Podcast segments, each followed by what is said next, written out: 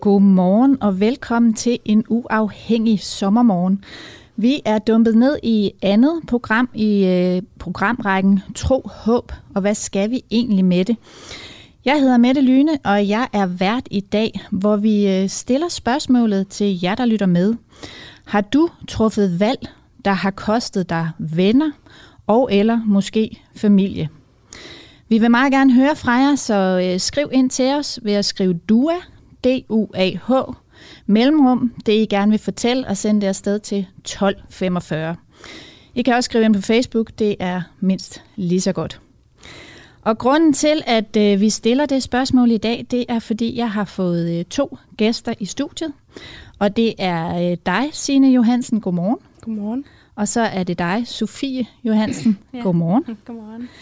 Og øh, Signe, du er øh, Sofies lille søster. Du er 21 år. Og hvad tror du på? Jeg tror på islam. Sofie, du er jo så øh, sine storesøster. Du er 24 år. Og hvad tror du på? Ikke rigtig noget, udover at man skal være sød og venlig over for hinanden. Og Signe, hvornår konverterede du til islam? Det gjorde jeg i 2017. Og hvordan har din familie reageret på det? Altså, de har jo valgt at reagere på den måde, at, øh, at der ikke er så mange, jeg snakker med i dag. Jeg snakker med en lille håndfuld af familiemedlemmer. Hvem snakker du ikke med mere? Mormor, onkler, fætter, kusiner. Ja. Hvad med din, øh, din mor og din... Øh... Jeg snakker med min mor og far. I starten snakkede jeg ikke med min mor, der gik nogle måneder. Øhm, men jeg har altid snakket med min far, men religion taler vi bare ikke om. Og, og hvordan, øh, du snakker jo så stadigvæk med, med Sofie. Mm. Hvordan reagerede du, Sofie, da Signe fortalte dig, at hun ville øh, konvertere? Altså, jeg var meget sådan, nå, okay, fint. Altså, det havde jeg ikke noget imod overhovedet, så... Altså, jeg, vidste jo, jeg tænkte jo sikkert, at, at familien ikke ville have det så godt med det, men ja, jeg synes, det var fint nok. Hvordan har det været for dig at, at miste kontakten? Altså, det har været hårdt. Øhm, nok mere specielt efter, at jeg har fået et barn. Fordi at man får en anden syn på familie, og hvad det vil sige at være, at være familie. Øhm, men det har været hårdt i hvert fald, ja. Også fordi, at altså, Sofie snakker jo, familien er tilgængelig for Sofie, men det er den ikke for mig. Så hun kan jo deltage til, hun kan jo bare skrive til vores mormor, og så vil hun svare, men hvis jeg skriver til min mormor, så bliver jeg bare ignoreret. Og sådan. Så det splitter lidt vandene, og der er nogle familieture, hvor at de bliver sådan splittet op, fordi vi kan ikke deltage til de samme ting. Og, og hvor gammel er din søn? Min søn, han er to. Ja. Var, var det lige efter, du var konverteret, at, øh, at de ikke ville tale med dig mere, eller hvordan ja, foregik det Ja, konkret? altså det var det. Det var, øh, altså, det var sådan bræt, så slettet på Facebook. Øh, jeg offentliggjorde det på Facebook, og så var det efterfølgende der, for jeg har ikke sagt det til nogen ud over min søster, at jeg ville konvertere som min mor og far. Øh, hvad hedder det? Mm, og så valgte, ja, så kom der bare den ene blokering efter den anden, eller hvad man skal sige. Og så ved jeg ikke, hvorfor de har valgt mig fra, fordi jeg har ikke haft mulighed for at kunne snakke med dem, fordi de ville ikke snakke med mig. Hvorfor valgte du at annoncere det på Facebook, i stedet for for eksempel at samle dem eller ringe til dem? Fordi at jeg vil gerne have, at alle fik samme besked, sådan at det gik fra, hvad skal man sige, fra mund til mund, men at det bare gik fra mig af. Så det var derfor, jeg valgte at lave et Facebook-opslag, hvor jeg skrev, at nu var jeg konverteret, og på det tidspunkt, der havde jeg også kun familie og venner på min Facebook, så det var ikke fordi, at altså man skal sige, der var sådan fremmede mennesker på min Facebook. Hvorfor er du så så sikker på, det er fordi, du er konverteret, at de ikke vil tale med dig mere? Det er fordi, de, vi har altid talt sammen, og lige pludselig vil de ikke. Men der, har også været, der har været nogen, øh, ved jeg i hvert fald også, altså hvis for eksempel Sofie har været til familiesamkomster, hvor de sådan har gjort grin med min religion, eller gjort grin med mig, eller øh, blandt andet også, at min, min, altså der er nogen, der har udtalt, at de synes, det er hul i hovedet, at nu udlægger mit liv og sådan nogle ting. Så jeg ved det derfor. Hvordan gør de grin med dig? Jamen, altså, det kan Sofie selv forklare. Altså, de kan finde på sådan, for eksempel, um, skal du ikke lige invitere hende hjem på flæskesteg og røde pølser, eller ja, sådan nogle ting. Altså, ja. du ved, sådan noget, man ikke gør i islam, det siger de sådan, at det kan de, men altså, de har også lidt en racistisk tilgang til sådan mange ting, især sådan til udlændinge og sådan noget, og altså muslimer sådan generelt, og der har, er der nogen, der har nogle meget stærke holdninger til. men, men Signe, var, var det her nogle familiemedlemmer, du var tæt på før? Øh, ja, altså jeg havde en, en fætter, som, hvor vi, vi, har, vi har, der er et år imellem os, og vi har altid været på sommerferie hos min mormor, og min mormor og morfar, vi var også sådan tætte, altså øh, ikke sådan, at vi besøgte hinanden ofte, men altså, du ved, ligesom en familie, man har dem, altså, man kan altid komme, og man ser hinanden til fødselsdage, og du ved, måske de ringes ved en gang imellem og sådan noget. Øhm, ja. Er det noget, du siger i forhold til dine, dine forældre, at I taler ikke om tro? Er det noget, I har vedtaget, eller er det bare sådan, det er? Det er vel bare sådan, det er. Altså, vi er ikke sådan... I min familie, eller i vores familie, der er vi ikke sådan nogen, der sådan snakker om religion. Vi er ikke sådan nogen, der snakker om følelser og hvordan vi har det. Altså, vi sætter os aldrig ned og siger, hvordan har din dag så været? Sådan har det aldrig været. Men har du spurgt dem, om, øh, om I ikke kunne tale lidt om det en gang imellem? Jo, altså jeg har jo prøvet at sende min familie et brev.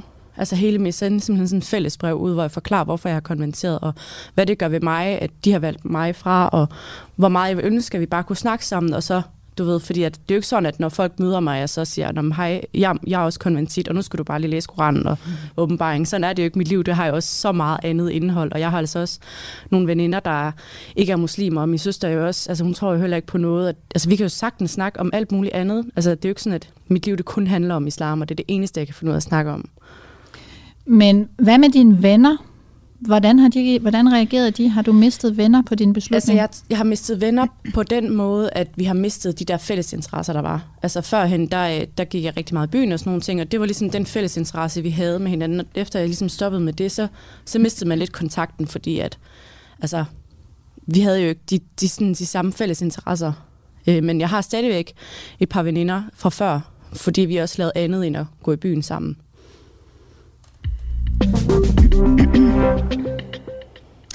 Ja, og vi vil rigtig gerne øh, høre fra jer derude. Skriv ind, hvis øh, du har truffet et valg, der har kostet dig venner og eller måske kontakten til noget familie. Du kan sende ind på en sms ved at skrive DUA, D-U-A-H, og sende, øh, skriv det, I gerne vil sige, og send det afsted til øh, 1245. Eller skriv til os på Facebook. Vi vil også meget gerne have spørgsmål til Sine og Sofie, som sidder øh, i studiet i dag. Så øh, skriv endelig ind. Signe, jeg kunne godt tænke mig at øh, tage dig med tilbage til den gang, du første gang blev præsenteret øh, for islam. Mm. Kan du øh, tegne et billede? Hvad skete der? Jamen altså, øh, jeg gik i 10. klasse, og øh, jeg går, kommer for første gang i klasse med en pige, der har tørklæde på. Øh, og kunne se, at hun gik med tørklæde, og tænkte, hvad, hvorfor har hun det på, og begyndte at spørge ind til, hvorfor går du med tørklæde? Og, men det var en del af islam, og jeg har altid troet på Gud. Jeg har altid altså, troet på, at Gud var der, men jeg har bare aldrig kunne placere Gud et sted. Altså, jeg har aldrig, jeg har aldrig rigtig, tror, rigtig troet på kristendommen. Og kan, du, kan du huske, hvor I sad, da I havde den snak? Altså, hvad, hvor, Jamen, det var meget sådan, det var ikke, fordi vi sådan satte os ned og snakkede om det, det var mere sådan, hvorfor har du tørklæde på? Og så, du ved, så tog den ene der lidt den anden, der kom nogle flere spørgsmål, og så øh, valgte jeg til sidst at sige at til hende, at jeg gerne vil prøve at læse Koranen, og så tog vi på hovedbiblioteket sammen i Aalborg, og så lånte vi den, og så skulle jeg med bussen hjem, så mødte jeg min søster, som bostede mig i at have lånt Koranen. Jeg ville faktisk holde det hemmeligt for hende, men fordi jeg ikke er typen, der læser bøger, hun kunne se den fra biblioteket, så tænkte hun, hvorfor har du en bog med? og så var jeg ligesom nødt til bare at sige, at det var fordi jeg gerne ville læse Koranen, og så gemte jeg den inde på mit værelse, fordi at jeg var sådan bange for, at min far ville opdage den. Så du, du læste ikke bøger, før du... Øh, Overhovedet ikke. Nej. Altså, jeg læste måske Pixie-bøger, det var nok det eneste. Altså de der små bøger med eventyrshistorier. Tror du, øh, hvis øh, veninden du mødte, hun havde været meget stærk kristen, tror du så, at du var taget på biblioteket og havde lånt Bibelen? Det kan godt være. Det, det vil jeg ikke afvise, men jeg tror også, det er det der med, at jeg har ikke, jeg har, altså, jeg har ikke rigtig kunne se, hvordan Jesus skulle være Guds søn. Og, altså det, har været, det, det er nok det, der har været sådan lidt det der med. Det har jeg svært ved at, sådan at, at tro på. Øhm, men nok også fordi, at dengang, hvor jeg gik til øh, altså kristendomsundervisning, konfirmationsforberedelse, der, der var det det kedeligste i verden. Så jeg tror altid, at jeg på en eller anden måde måske har forbundet øh, kristendom med konfirmationsforberedelse og sådan noget. Men da, da du gik til konfirmationsforberedelse, læste du så Bibelen? Øh, ja, vi fik, vi fik faktisk den som opgave at læse Bibelen. Men, øh, ja, men øh, det var ikke fordi, at jeg læste hvad hedder det, hver enkelt side, fordi jeg simpelthen jeg, jeg, kunne ikke, altså, jeg kunne ikke se mig selv på en måde i det. Jeg kunne lige så godt have læst en rigtig kedelig avis på en eller anden måde. Altså, ja. Og så fik du så smuglet øh, Koranen ja. hjem, om man så må sige.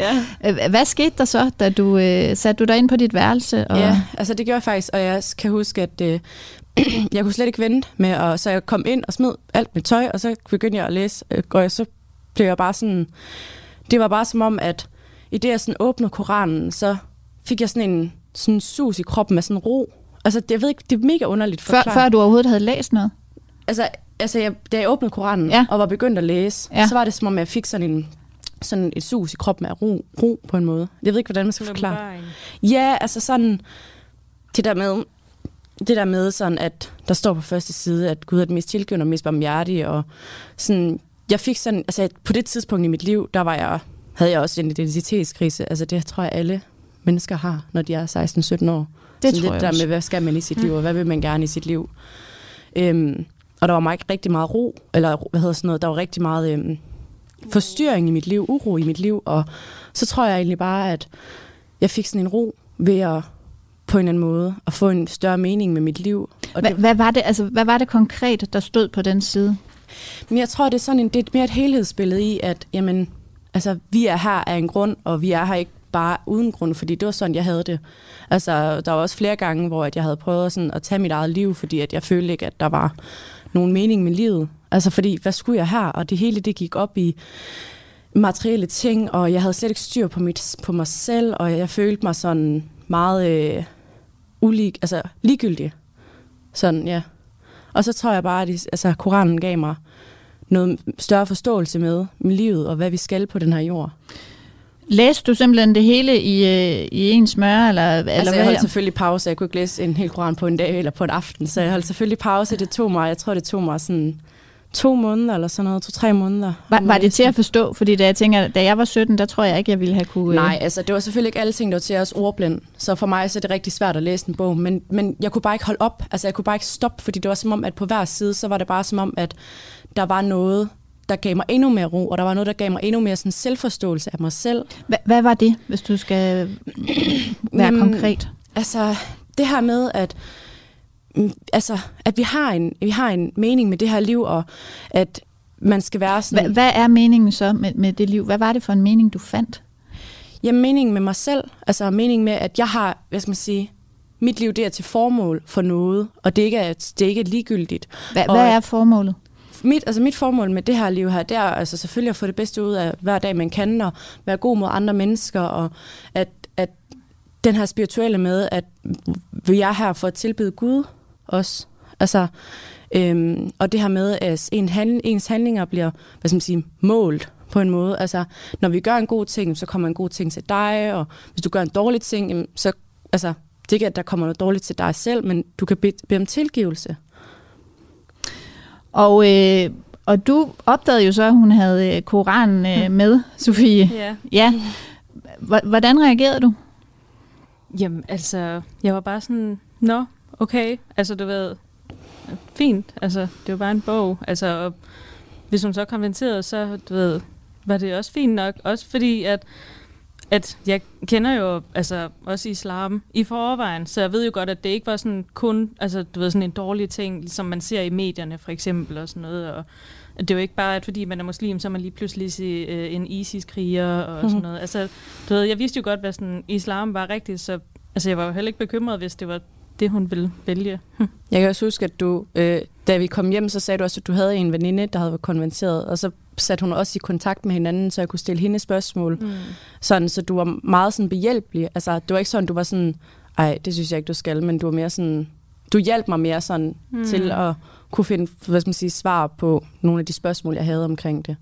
Var der, var der intet ved det, der bekymrede dig? Nej, det tror jeg ikke. Det er vigtigt, at jeg lige sådan kan komme på. For, forstår du øh, den bekymring, som jeg kan forstå, der har været ved nogle af jeres øh, familiemedlemmer? For, forstår du, at, øh, at man kan blive bekymret? Ja, altså man kan jo blive bekymret for alt her i livet, uanset hvad du gør. Øhm, det kommer også lidt an på, hvilke holdninger man altså selv har som person jo. At, øh, ja. hvad, hvad betød det for dig, at, øh, at det var reaktionen fra din søster? Altså, jeg tror faktisk, jeg havde forventet noget uh, helt andet. Jeg tror, at jeg havde forventet, at hun havde sagt sådan, ej, hvorfor det, og hvorfor skal du nu det, og, og sådan nogle ting. Uh, så jeg tror, at det gav mig rigtig meget ro, at hun bare var så, hvad skal man sige, så ligeglad med det. Altså, fordi at man kan også selv høre, at altså, det er jo ikke fordi, at hun er sådan hun var jo bare sådan, nå ja, det er da fint, det kan du da bare gøre. Øh, så det har også givet mig rigtig meget ro. Ja. Tror du, du kunne have gjort det uden øh, Nej, støtten? det ville jeg ikke kunne. Altså fordi, at der har været så meget modstand. Men en af mine holdepunkter, det har også været, at Sofie har støttet mig så meget. Og hun var med den dag, jeg konverterede, og hun var med den dag, jeg gerne, fordi jeg ville gerne gå med tørklæder. Hun var med ud og købe tørklæder og noget nyt lækker tøj. Og, altså sådan, du ved. Og det har bare gjort, at jeg har følt, at Jamen, fordi hun hele tiden har mindet mig om, at familie ikke er blod, og at man skal følge sit eget, sin egen veje, og man skal være sig selv. Altså, hvis det er det, der gør en glad, og det ikke skader andre mennesker, jamen, så er det det, man skal gøre. Altså, så det har givet mig rigtig meget ro. Men nu siger du det med ikke at skade mennesker. Jeg, jeg tænker, jeg kunne godt forestille mig, at der var nogle af, af dine familiemedlemmer, som, som har det sådan, at, at dine, din beslutning om at gå med tørklæde, som du gør, og konvertere, at, at det har skadet dem, fordi det har gjort dem kede af det. Mm.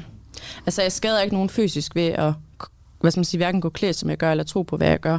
Men det kan godt være, at jeg har haft nogle, altså, hvad skal man sige, psykiske øh, sådan, problemer ved, at jeg har konventeret, men så er det jo, at jeg, altså, jeg har altid sagt, at jeg er åben for dialog. Det er også derfor, jeg sidder her.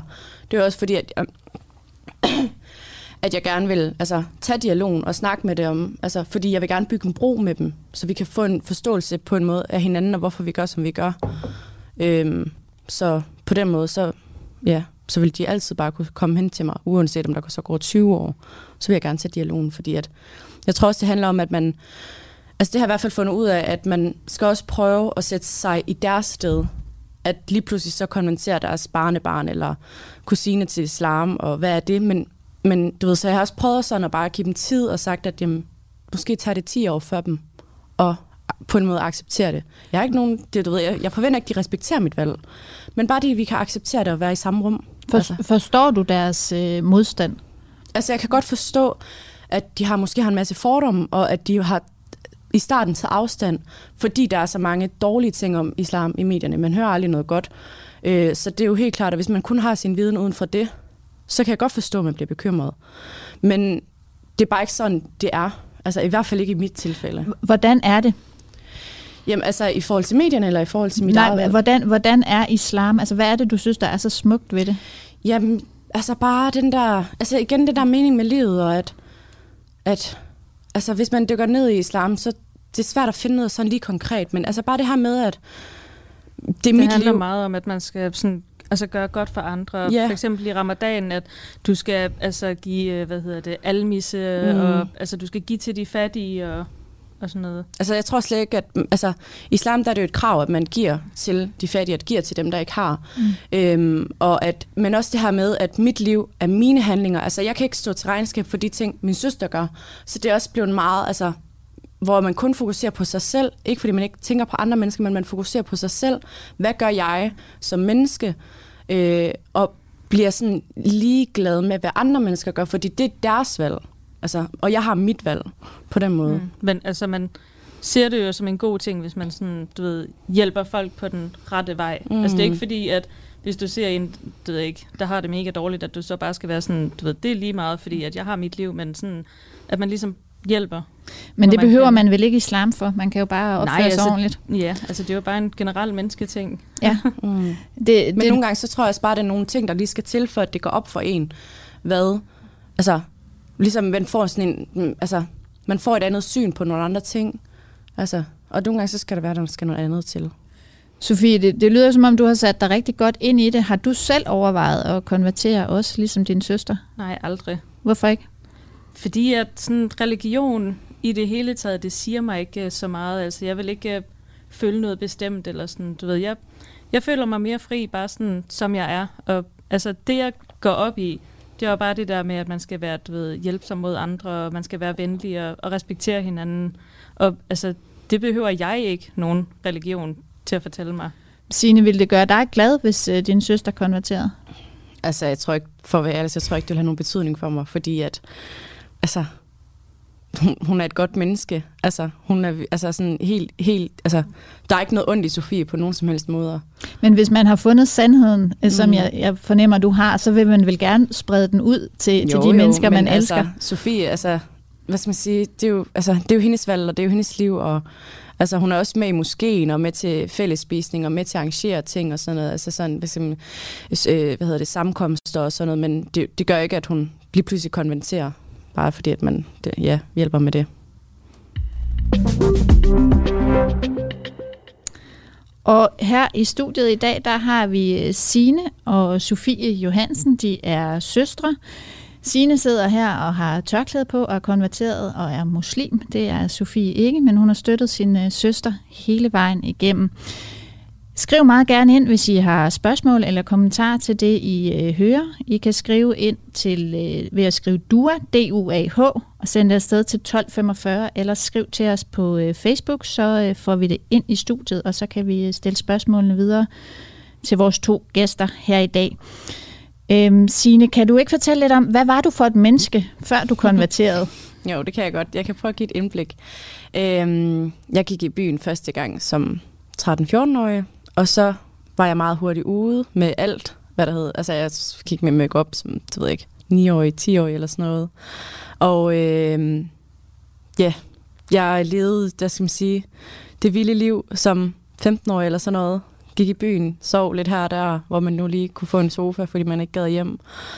Øh, det lyder da meget fedt. Ja, men det var det jo ikke, fordi det var jo bygget op på en anden form for facade af, at jeg havde det rigtig dårligt indeni. Altså, fordi det havde jeg. Altså, vi har gået igennem en hård skilsmisse, og der har været nogle ting, som, øh, som nok bare havde gjort, at man man havde mistet sig selv rigtig meget indeni. Og mit liv, det gik rigtig meget op i tasker og sko, og man skulle have det rigtige tøj, og fordi hvis ikke man havde det rigtige tøj, så var man ikke sådan noget værd-agtigt. Øhm, og jeg tog skole totalt useriøst. Jeg har gået på øh, tre forskellige, eller prøvet at gå på tre forskellige uddannelser. Øhm, og generelt så var mit liv bare noget rod. Altså, det var det virkelig. Men er det ikke det for alle 17-årige? Det kan godt være, men altså, det kan godt være udadtil, så var det noget rod, men indeni der havde jeg det simpelthen, altså, jeg havde det virkelig dårligt, og øh, kottede også i mig selv som meget ung, jeg tror jeg var, jeg tror jeg har været sådan 12 eller sådan ja, noget. Ja, du har også taget mange piller, hvor du blev hentet af ambulancen ja, og sådan noget. altså sådan, jeg havde det virkelig skidt, og jeg følte ikke, jeg havde nogen, der kunne snakke med det om. Sådan, så altså, liv var bare noget lort, altså for at sige mm. det. Sådan, det var det virkelig. Jeg kunne ikke se, at der var noget positivt ved det. Var, var du ude og lede efter en mening? Altså? Ikke på det tidspunkt. Altså sådan, der tror jeg egentlig bare, at jeg havde følt lidt, at jamen, det var, jeg der havde et helt andet sted givet op. Altså jeg kunne ikke se en fremtid for mig selv. Jeg kunne ikke se, at jeg nogensinde skulle få børn, for eksempel. Jeg har aldrig set mig selv blive mor. Altså, ja. Det, er også, det, det lyder som en vild rejse at, at være sådan en ung menneske, som du beskriver mm. her, og så, og så inde på et, øh, et bibliotek og, yeah. og, og, og, låne, yeah. og, og låne den, øh, den bog der. Kan, mm. kan du fortælle, altså, hvad, hvad var det, der, der gjorde, at det lige præcis var det, du gjorde, og ikke med alt muligt andet? Jeg tror, det var, fordi jeg mødte hende med tørklæde på, og jeg er generelt et, et nysgerrigt menneske, øhm, og du ved, så blev jeg bare nysgerrig på det, og så var det jo lige det, jeg mødte der, hvis man kan sige det sådan. Så, øh, så det kunne have været så meget andet? Ja, det tror jeg godt, det kunne, men nu var det, skal man sige, nu var det islam, der ligesom gav meningen for mig. Øh, vi har også en, en papmor, der er buddhist, og det har jeg heller aldrig rigtig sådan sagt mig noget. Altså, og min familie er generelt ikke troende. Altså, der er ikke rigtig nogen. Min far er ikke medlem af Folkekirken, og det er min, tror jeg heller ikke, min mor er. Øhm, så ja, så jeg ja. Nu har du beskrevet dig selv, som, som, øh, som du var, inden du, du konverterede. Hvad, hvad har det gjort, øh, gjort ved dig? Mm, det har bare gjort, at jeg føler, at jeg ser livet på en anden måde. Altså, Hvordan for eksempel? Jamen, altså, at, at det hele det, når vi dør, så skal vi ikke have vores bil, vi måske har knoklet for mega hårdt for at få. Vi skal ikke, øh, vi skal ikke have alle de her materielle ting med, og jeg lægger ikke så meget vægt i de her materielle ting, altså tøj og sko og tasker og sådan noget. Selvfølgelig er det vigtigt, at man har noget ordentligt på, men Altså, det ikke... folk, vil ikke, folk vil ikke huske dig for de dyre biler, du havde, Nej. eller de, de fede møbler, du havde. De vil jo huske dig for, hvordan du var som person, mm. altså uanset religion. Ja, så jeg tilknytter mig ikke så meget til, til de der materielle ting. Jeg prøver mere at fokusere på, hvad gør jeg som menneske godt for andre mennesker? Altså, øhm, førhen... Hvad gør du nu, som du ikke gjorde før? Jamen, for altså, for eksempel førhen, så, øh, så, havde jeg, så så jeg folk, øh, der måske ikke havde smart tøj på, som mindre værd end mig selv. Det gør jeg overhovedet ikke nu. Jeg, ser, jeg føler, at jeg ser alle mennesker på lige fod med hinanden, og at jeg har en, havde en tendens til at dømme andre mennesker rigtig meget før, og det gør jeg ikke mere, fordi det ikke, altså, jeg har bare fået en forståelse af, eller hvad man skal sige, jeg har fået et, et syn på, at jamen, det er jo ikke mig, der dømmer folk, så hvorfor skal jeg bruge min energi på det? Og jeg har også på en måde valgt lidt mere, hvor jeg vil lægge min energi henne. Men, men du siger, du, du dømmer ikke folk. Hvordan, altså der er jo regler øh, inden for islam for, hvordan man skal leve. Hvordan ser du på de mennesker, som ikke lever efter altså, de det regler? Altså det må de da selv om. Altså jeg kommer, det er jo ikke sådan, at for eksempel nu sidder Sofie i korte ærmer, eller hvad man skal sige, og det vil, jeg, det vil jeg jo ikke gøre. Men det betyder ikke, at jeg skal sige til Sofie, at det synes jeg er forkert. Du synes, du skal tage noget på. Og altså, hvis mig og min søster vi er på stranden, jamen, så har jeg så har jeg jo også tøj på, jeg har på nu, ikke? Og min søster, hun går jo bare bikini på, men det betyder jo ikke, at jeg, jeg synes, det er forkert. Hvis hun vil det, så er det da hendes valg. Altså, fordi jeg har det meget sådan, at den måde, jeg kom, altså jeg ville have, hvis folk de skulle fortælle mig, hvad jeg skulle kunne klæde i, og hvad jeg skulle have på. Så derfor fortæller jeg heller ikke andre, hvad de skal kunne klæde i, eller hvad de skal have på, for det er jo deres valg. Og jeg har mit valg, og det er men, jo deres Men når, når du nu ved, og det ved du vel, øh, kvæg din tro, hvad mm. der er det rigtige, har du så ikke behov for at fortælle nej, andre det? Nej, fordi det er jo deres, altså det er jo deres valg. Det er jo det, ja. de vælger. Altså for eksempel, så kan vi jo også tage ud og spise, hvor jeg både kan spise, det ikke, bacon eller svinekød, mm. og drikke en øl eller en drink, yeah. uden at du ved, at man får nogle kommentarer eller blikke, eller sådan, mm. ah, det synes jeg ikke er så godt, eller sådan, det, det der er ikke rigtig sådan... Nej. Men sine, er der noget, du savner? Nej, det synes jeg ikke, fordi at, altså, jeg havde da gået i byen, så det savner jeg faktisk overhovedet ikke. Øh, hvad hedder det? Øhm, og jeg kan jo stadigvæk godt gå i svømmehal. Altså, jeg, de, jeg kan de samme ting, Altså, men jeg, man, man finder, nogen, du ved, nogen de ser mulighederne, andre ser, øh, at der ikke er muligheder. Jeg tror mærke mere, at jeg er typen, der ser mulighederne en og andet. Altså for eksempel, hvis jeg gerne vil i svømmehalsen, så tager jeg nok ikke afsted lige i myldretiden, hvor der er mange mennesker, hvilket der er mange, der gør. Øhm, fordi at, ja, det gider jeg, det tror jeg bare ikke, jeg gider. Øhm, og jeg tager også stadigvæk på stranden, selvom, at der, selvom man måske nok er den eneste, der er tildækket, eller hvad man skal sige. Øhm, men altså, så er det ikke, fordi jeg føler, at jeg ikke kan noget andet.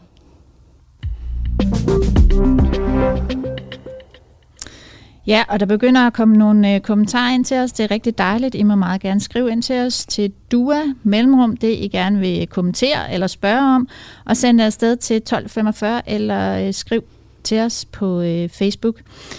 Øh, Nikolaj øh, Granel, han skriver, hvorfor har hun ikke taget kristendommen til sig? Hvad er der i kristendommen, som ikke passer til hendes ønsker for den måde at leve på, hun nævner? Øh, altså, jeg tror, det er mere det her med, at det bare aldrig sådan... Det har bare aldrig været sagt mig noget. Så også det her med Guds søn. Altså, ja. Og ja, det, det føles bare ikke sådan rigtigt for mig. Altså, den, den var der ikke. Eller hvad man skal sige. Den, den, den var bare ikke så stærk for mig, ligesom islam var. Ja, men, men religionerne minder meget om hinanden. Altså, det gør de. Men det har bare været islam. Så, ja. så, så islam ramte dig på det rigtige sted på det rigtige tidspunkt, kan man sige?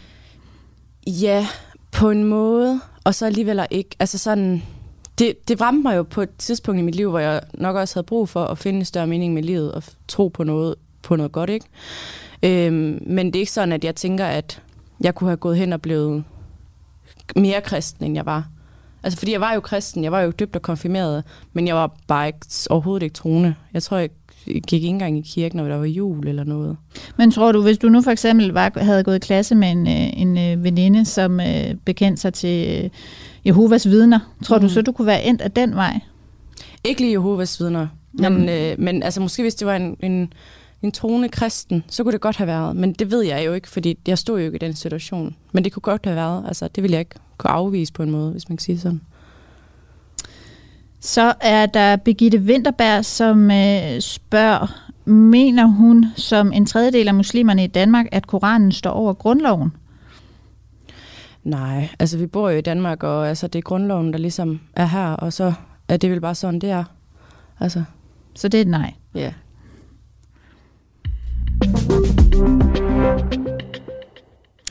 Sine, som du også øh, selv var inde på, så øh, har islam jo ikke nødvendigvis øh, det bedste ry og rygte, øh, og slet ikke øh, i Danmark.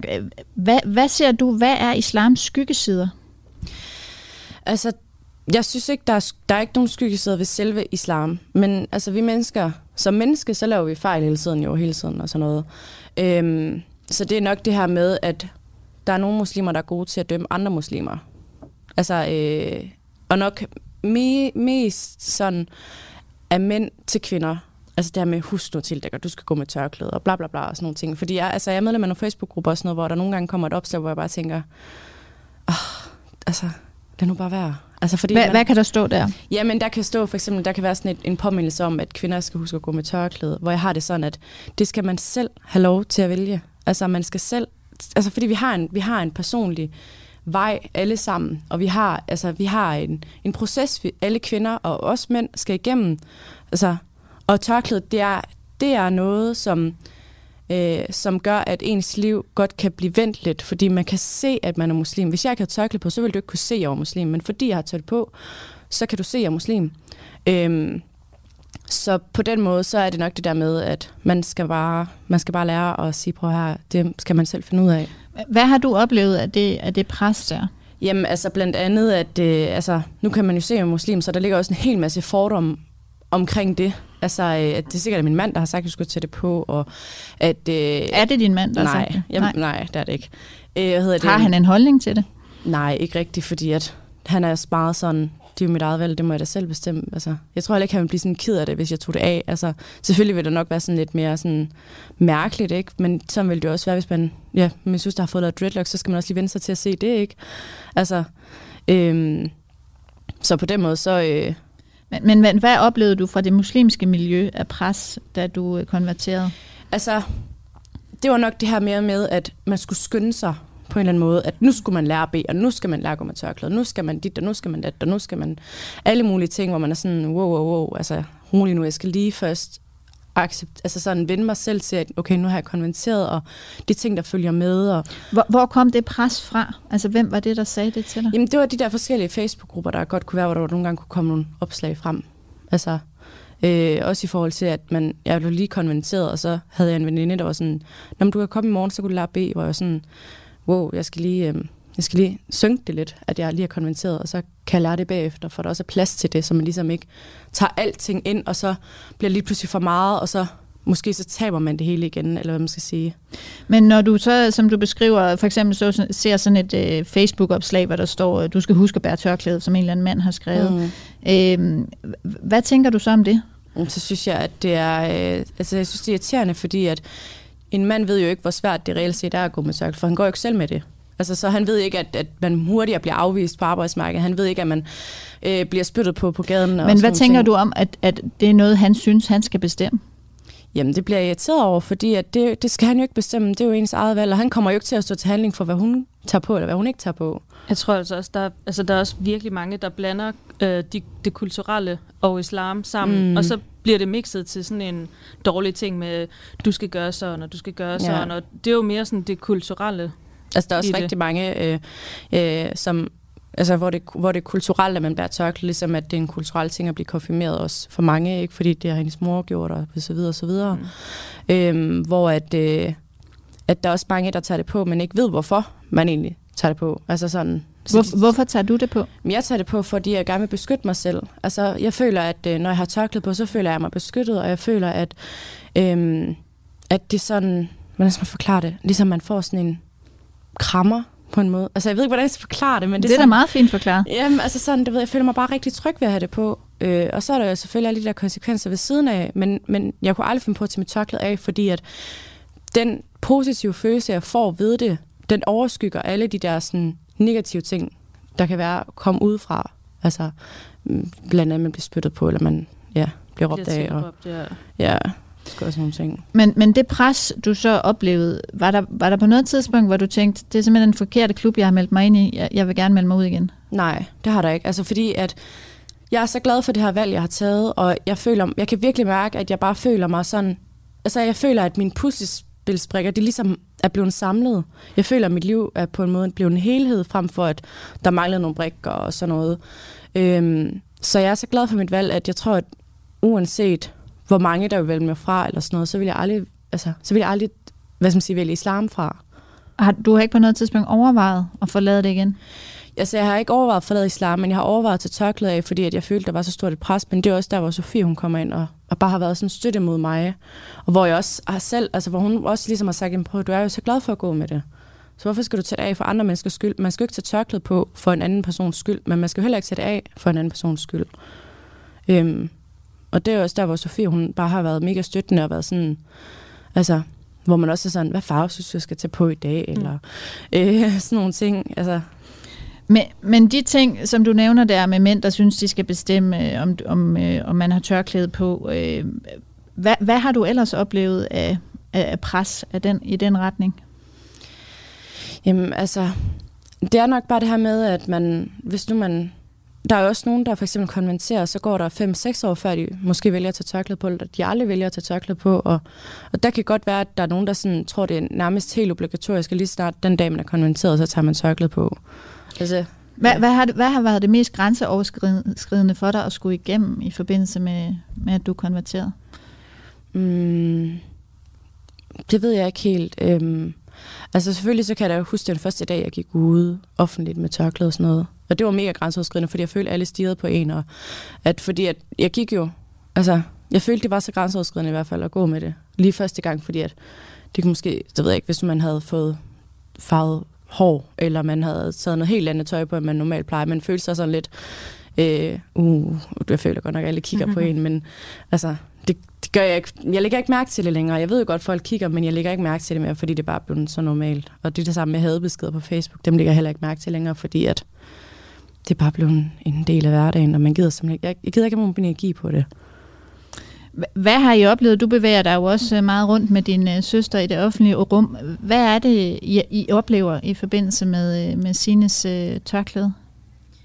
Jamen, altså, enten så kan det være, at, ved ikke, at folk de kigger, eller så kan de være sådan... Altså, nogle muslimer, de er meget sådan... Fordi de kan jo godt se, at hun er lys i huden og har blå øjne. øh, at hun ligesom ikke sådan er opvokset i det, hvor de også er sådan at sådan, åh, hvor er det godt, eller sådan, du ved. Og så kommer der simpelthen, så kommer der lige et uh, klap på skulderen, ja. eller? Mm. Og sådan, altså, det synes jeg, det er jo godt, at man sådan, du ved, kan støtte hinanden på den måde. Øhm, men altså, jeg har aldrig været sammen med hende endnu, hvor at, for eksempel... Der var, kan du, der var den der gang, hvor, kan du huske, der vi gik i Aalborg? Nå, ja, ja. altså, jeg har oplevet en gang, hvor der var sådan en ældre dame, der sådan sagde sløreule til hende. Mm. Øhm, du ved, og altså, jeg forstår slet ikke, hvordan man sådan, du ved, kan finde på at sige sådan der til andre mennesker. Men altså, hvis der kom nogen sådan og altså, svinede hende til, for eksempel, du ved, altså, så ville jeg jo selvfølgelig støtte op om hende og fortælle, at øh, altså, det er ikke okay at sige sådan noget, du ved. Og, altså, det er da bare mærkeligt. Hvad har du oplevet, Signe? Øhm, jeg har oplevet, at jeg er blevet spyttet efter, og så har jeg oplevet, at jeg blev skubbet til, at der var det, noget af det, som der sidder mest i mig, det var, at jeg, øhm, jeg havde, jeg var, min søn, han var tre måneder, eller sådan et eller andet i den stil, øh, og så havde jeg med bæresel, sådan en sel, man kan gå med sit barn på, og så kom der en ældre mand hen, og så øh, skubbede han til mig, og jeg var sådan rigtig bange for, at jeg ville falde med min søn, fordi at, altså, han var jo tæt på mig. Øhm, det er nok en af de episoder, der sådan sidder mest i mig. Øhm, så har jeg oplevet, at der var... Sagde han noget, ham der skubbede? Nej, han skubbede bare til mig, og så var sådan, skubbede sådan træls til mig på min skulder og sådan. Øhm, og så har jeg oplevet, at øh, jeg på et tidspunkt ude i Fakta at handle, hvor der kommer sådan en ældre ægtepar op og begynder at sige sådan, at øh, ikke skulle skride hjem til det land, hvor jeg kom fra, og jeg skulle tage det der af hovedet og sådan nogle ting, og hvor jeg var sådan, ja, der havde jeg også min søn med. Jeg var sådan, så gik jeg ud af butikken, og så da jeg kom ud af Fakta, så var jeg bare sådan så stortudet, jeg bare var sådan rigtig ked af det. Øhm, ja. Forstår du den vrede, som, øh, som nogle mennesker har mod islam? Altså, det, jeg, altså et eller andet sted, så er jeg sgu ligeglad med, hvad folk har en mening eller en holdning om, så længe man bare ikke... Altså, man skal ikke... Man skal ikke man skal ikke... Øh, Bide vold. Nej, altså det skal man ikke, og man skal holde sine holdninger for sig selv, altså hvis det er sådan nogle holdninger, man har. Men, men, men forstår du, øh, hvor det kommer fra? Jeg kan godt forstå, at der er nogle mennesker, der godt kan se så surt på islam, netop fordi, at medierne er med til at sprede sådan et rigtig dårligt ry omkring islam. Altså. Men en ting er jo et dårligt ry, men der er jo også øh, i verdenshistorien blevet gjort rigtig mange grumme ting i, øh, i øh, islams navn, ligesom der er i, øh, yeah. i rigtig mange andre religioners navn. Mm. Hvad tænker du om det?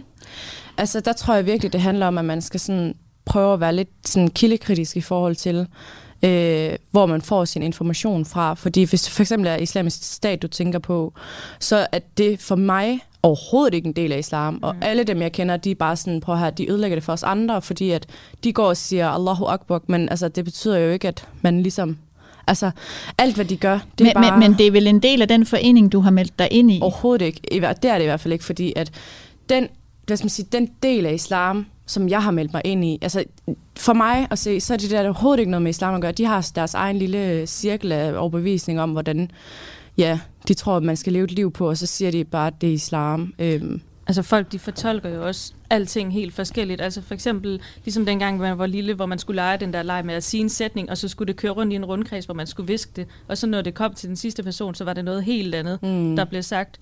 Og altså sådan er det jo også med religion, at det bliver fortolket forskelligt i forskellige lande, fordi at så læser man måske noget og fortolker det på en anderledes måde. Og ja. så er det, det bliver sådan noget ekstremt som øh, islamisk stat. Mm. Altså bare fordi det hedder islamisk stat, betyder det ikke, at, at deres at handlinger er, er en del af islam. Ja. Altså fordi, men det vil de jo nok mene. Ja, det vil de mene, men altså, det, vil, det kommer aldrig nogensinde til at forstå, at man kan, fordi at det står meget klart og tydeligt i Koranen, at man ikke skal slå skyldige mennesker ihjel, og man skal ikke... Øh, man, altså, og når folk siger jihad, så tror man direkte, at så er det sikkert nede i Syrien, men altså... Så, som udforstående sine, når man, når man kigger på det, så, så for mig ville det lidt svare til, hvis jeg meldte mig ind i et parti, og så fandt ud af, at der var en fraktion af det parti, som øh, ikke havde noget problem med at øh, mm. dømme folk til døden til trods for, at der var en fraktion af det parti, som troede på lige præcis det, jeg troede på, så ville jeg da løbe skrigende bort. Øhm, har du aldrig overvejet det? Fordi alt andet lige, det, det, de her frygtelige ting bliver jo gjort i din religions navn. Mm. Men altså igen, så er det ikke fordi, at, at det er en del af islam. Altså, bare fordi de siger, at det er islam, de kunne godt sige, at det var en del af kristendommen, altså, og så vil det jo gå ud over kristendommen, men nu går det jo sådan bare ud over islam jo. Øhm, og det er jo også derfor, at det igen altså, er vigtigt, at for mig, at jeg også er med til at vise, at men, men er det ikke også fair nok, at det går ud over islam? For det er jo samme bog, som du fandt på biblioteket, som de forholder sig til. Det gør de ikke. De, de forholder sig i hvert fald ikke til Koranen, fordi hvis de forholder sig til Koranen, så vil de slet ikke gøre, som de gør. Altså, det, det vil de ikke.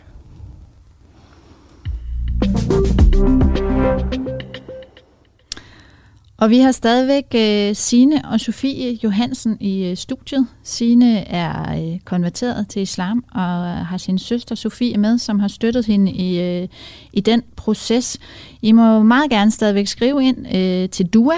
Skriv D-U-A-H det, I gerne vil spørge om, eller det, I gerne vil kommentere på, kon- kommentere på, kommentere på, og sende det afsted til 1245, eller skriv til os øh, på Facebook. Og øh, en, der har skrevet ind til os, det er Katrine Visby. Hun skriver, Muslimerne har også fordomme om folk, der ikke lever efter islams regler. De er for eksempel urene og vantro.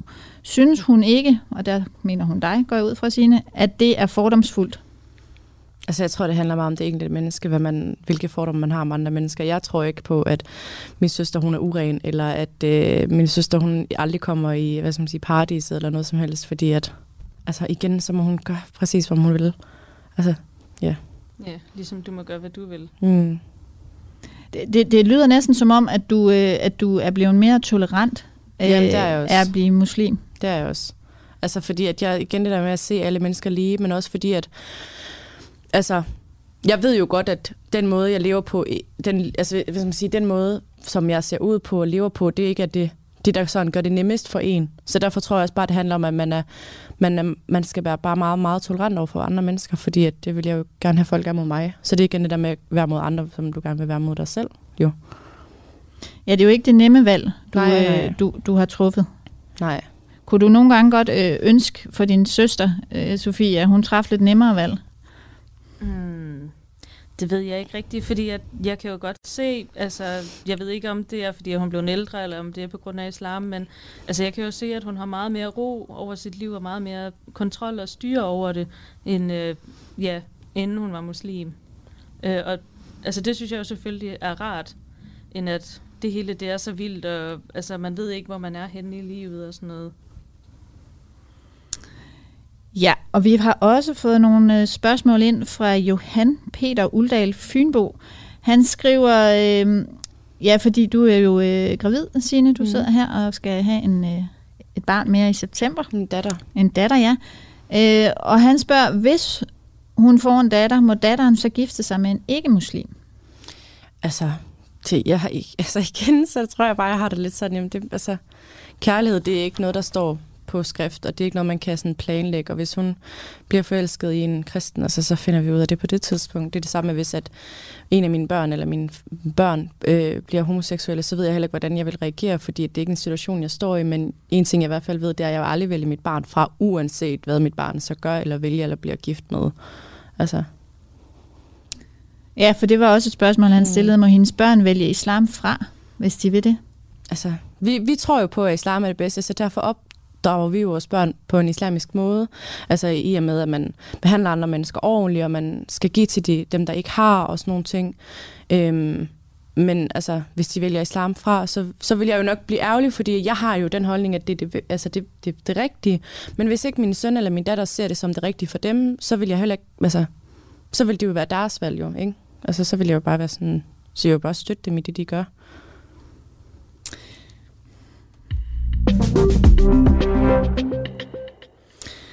Nu skal det jo ikke være nogen øh, hemmelighed, øh, Signe og Sofie, at det ikke er første gang, I er i øh, medierne med den her øh, historie. I har blandt andet øh, været med i et øh, program på, øh, på DR3.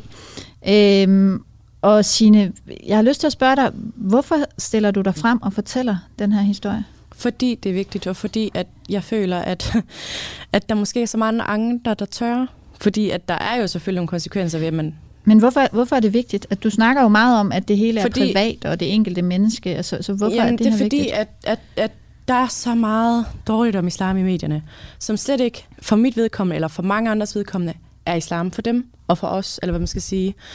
Øhm, så derfor er det også vigtigt for mig ligesom at komme ud og fortælle altså min historie, eller vores historie omkring øh, islam, og altså, at også bare prøve at få at give et lidt mere neutraliseret billede af islam, at men altså, jeg er stadigvæk almindelig menneske, jeg uddanner mig, jeg har et barn, og altså... Men du kunne vel godt påvirke den offentlige mening ved at gå ind i nogle debatter, uden at fortælle hele din meget personlige historie? Jo, jo, men hvis man... Altså, det, det, det dummeste, man kan gøre, det tror jeg er at, at debattere i en altså et gruppeforum med et, et islamisk, eller hvad man skal sige, en debat omkring islam, fordi der sidder rigtig mange tastaturkrigere derude, øh, som bare sviner ind til, og det er, ikke, det er ikke en måde at skabe dialog på, fordi det kommer man ikke nogen vej med. Altså. Nej, men der er jo andre former, altså du kunne jo øh, gå ind i politik, hvis det endelig var det, men, men hvorfor stiller du dig frem og fortæller øh, det mest øh, følsomme, forestiller jeg mig, det er, altså om, om din valg og, og din familie? Fordi at jeg ved, at der er rigtig mange andre, der står i samme situation. Altså,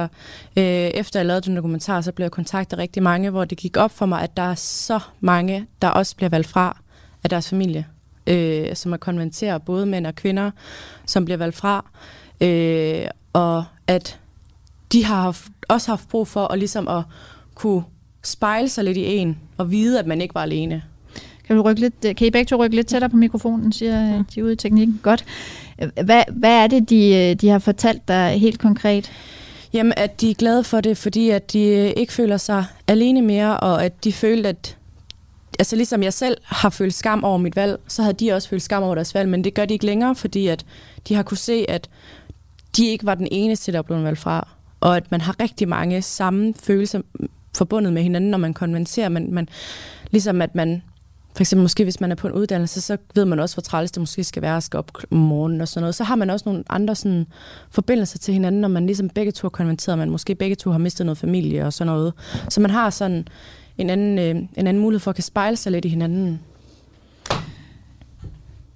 Og Sofie, du har jo også stillet dig frem og fortalt, hvordan det har været at være øh, søster til Sine i den her proces. Hvorfor har du valgt at gøre det? Hmm. Jamen, altså, jeg tror jo bare, det er for at...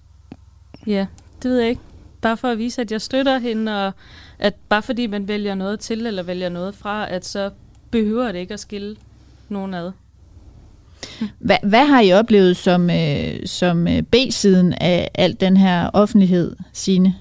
Altså, jeg har da selvfølgelig modtaget nogle beskeder på Facebook og sådan noget omkring, at jeg var landsforræder og sådan nogle ting, men altså, det ligger jeg meget, det ligger jeg bare til side, fordi at der har faktisk været rigtig, rigtig god respons tilbage, og der er også nogen, sådan, hvis jeg går på gaden, så er der også nogen, der synes, sådan, vi mødte en i går, der var sådan, har I ikke lavet en dokumentar? Sådan, mm. jo, og sådan, ej, det er mega fedt, og det synes jeg er jo rigtig fedt, at blive bekræftet i, at at det, man gør, er rigtigt. Mm, ja.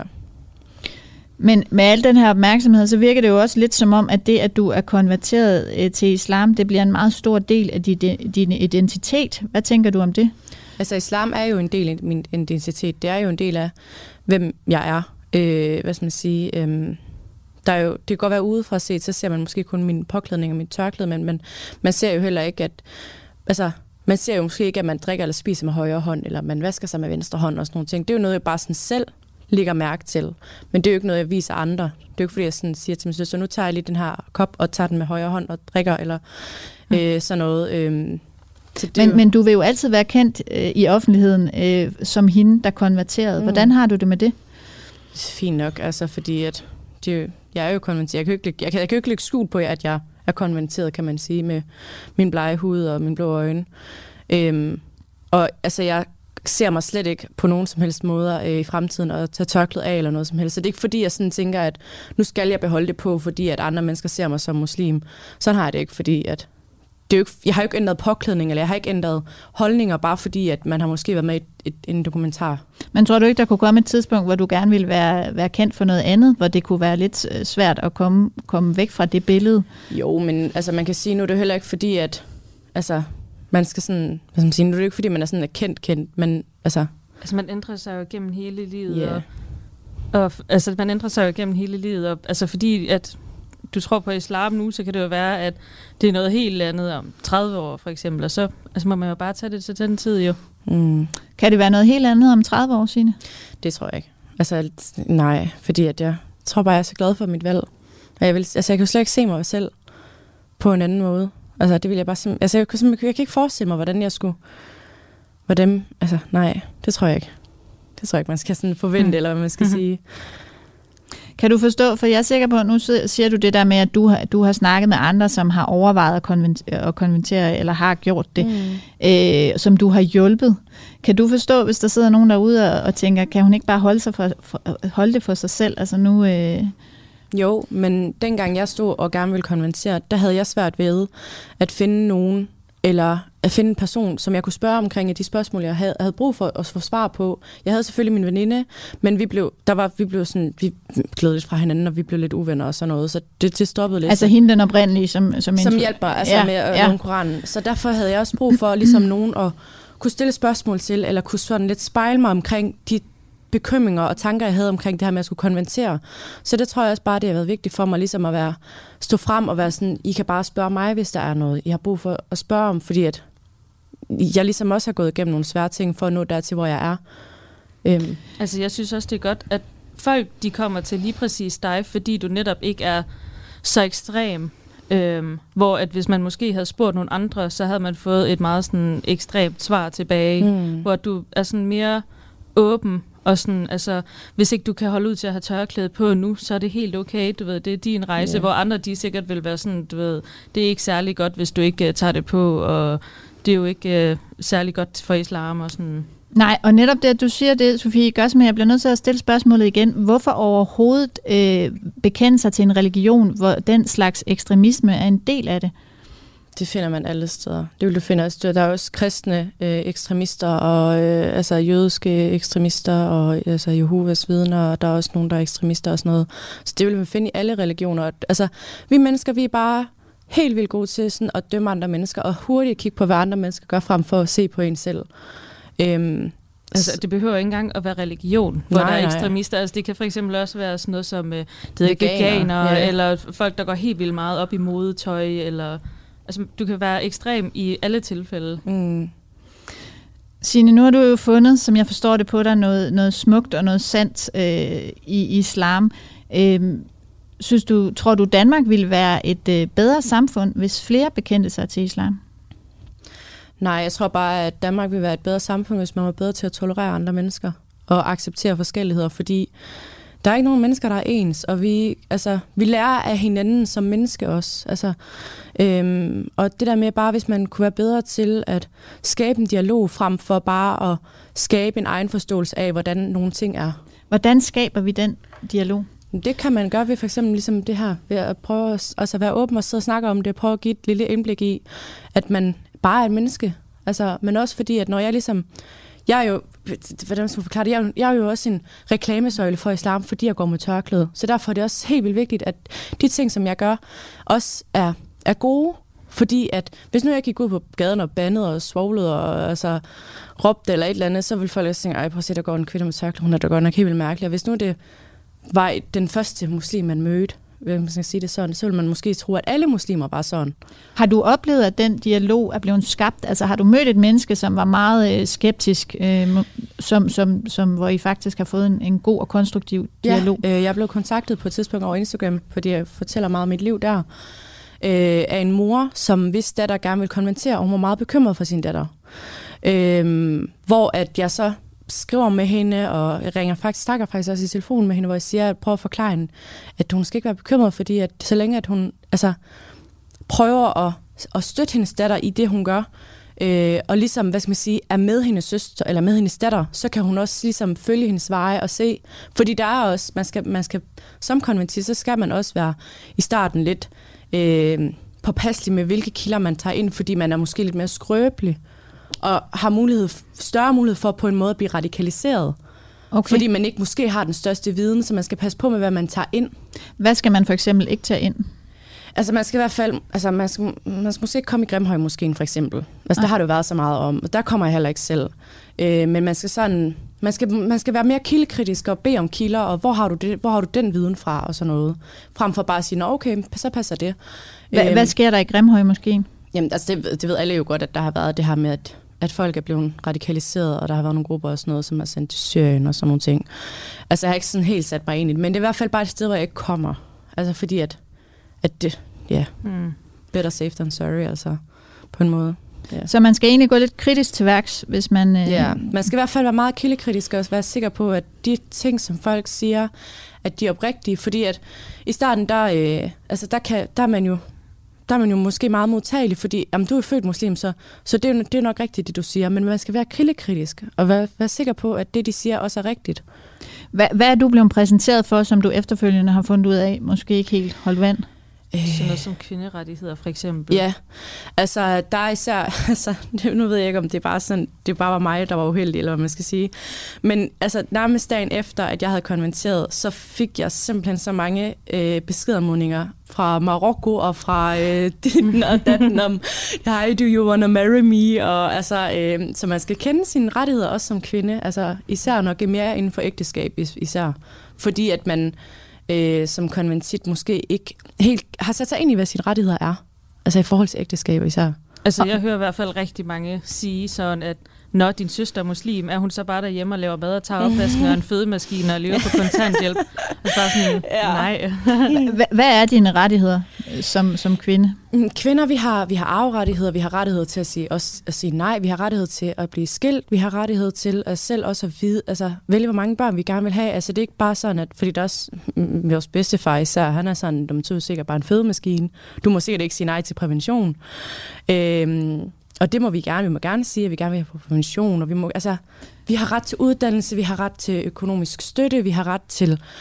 Altså, der er mange men, ting. men det lyder lidt som om, at, at du mener, at du har ret til det samme som alle andre kvinder. Ja, mm. fuldstændig. Altså, det har man virkelig, fordi at der er også mange, der tror, man ikke kan blive skilt i islam. Og det kan du altså godt. Du kan sagtens blive skilt i islam. Det, ja. altså, både som mand og som kvinde, så kan du blive skilt.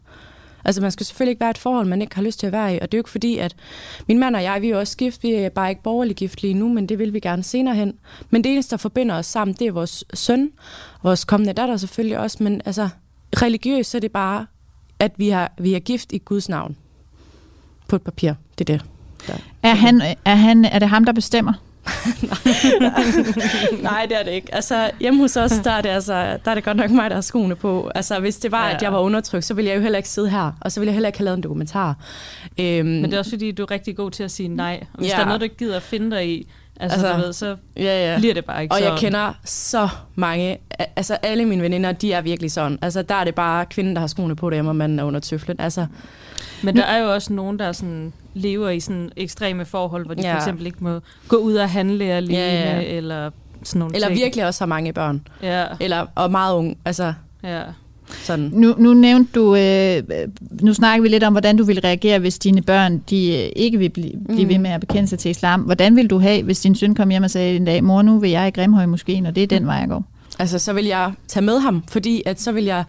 Øh, fordi jeg har jo, jeg har jo, altså, så vil jeg kunne, i stedet for at sige, ja, jamen, det gør du bare, så vil jeg tage med ham derhen, og du ved, være sikker på, at den viden, han får, ikke er til den radikale side. Altså, så vil jeg tage med ham også. Og hvis nu, så kunne jeg så sige til ham, ej, skal vi ikke tage hen et andet sted end måske?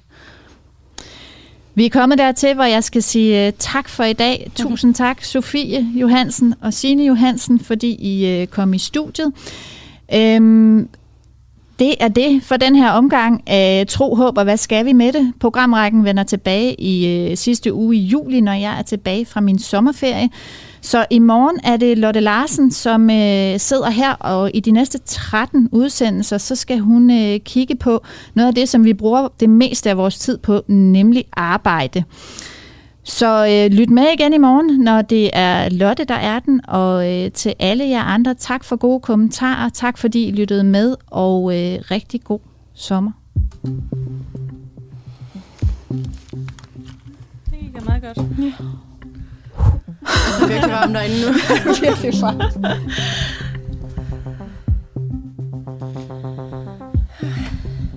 tak. Skal I have? Op. Det var meget intenst. Altså, øh, ja, det synes jeg. Det blev da godt. Synes I det?